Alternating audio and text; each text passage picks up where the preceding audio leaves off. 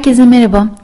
En son okuduğum Mutluluk Projesi kitabında hiç beklemediğim bir şekilde sadelikle, sadeleşme ile ilgili birçok satır çıktı karşıma ve bu videoyu size çekmem için ilham oldu. Kitaptan aldığım alıntılar ve kendi yorumlarımla işte video burada.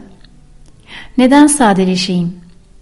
Aileme, arkadaşlarıma daha yakın olabilmek için, enerjimi ve sağlığımı daha da iyileştirmek için, evimde daha huzurlu bir ortam yaratmak için, daha verimli çalışmak için, can sıkıntısı, kızgınlık ve evlilik içi çatışma kaynaklarını minimuma indirmek için, önemli olduğuna inandığım amaçları desteklemek için, ufkumu genişletecek deneyimler yaşamak için sadeleşmeliyim.''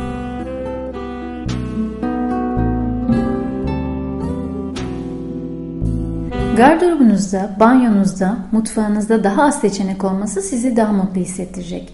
Sanılanın aksine daha fazla seçenek mutluluk getirmediği gibi bir de kişiyi felce uğratıyor. Artık sadece gerçekten işinize yarayan, kullandığınız, beğendiğiniz ve fayda sağladığınız eşyalarınızı saklayıp, taşınırken oradan oraya kolleyip götürüp, kullanıp temizliklerini yapacaksınız. Büyük düşünün. Büyük resme bakın.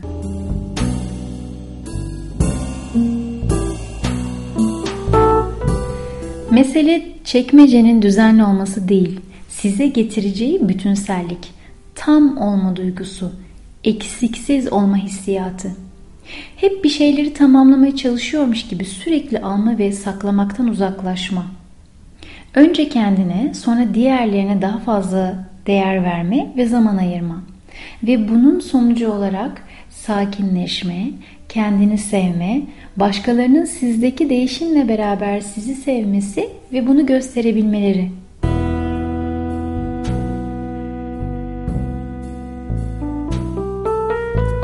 Eğer sadeleşmezsek, nasıl geçtiğini anlamadan çerçüp içinde angarya işlerle boğuşurken keyif almadan harcarız hayatlarımızı.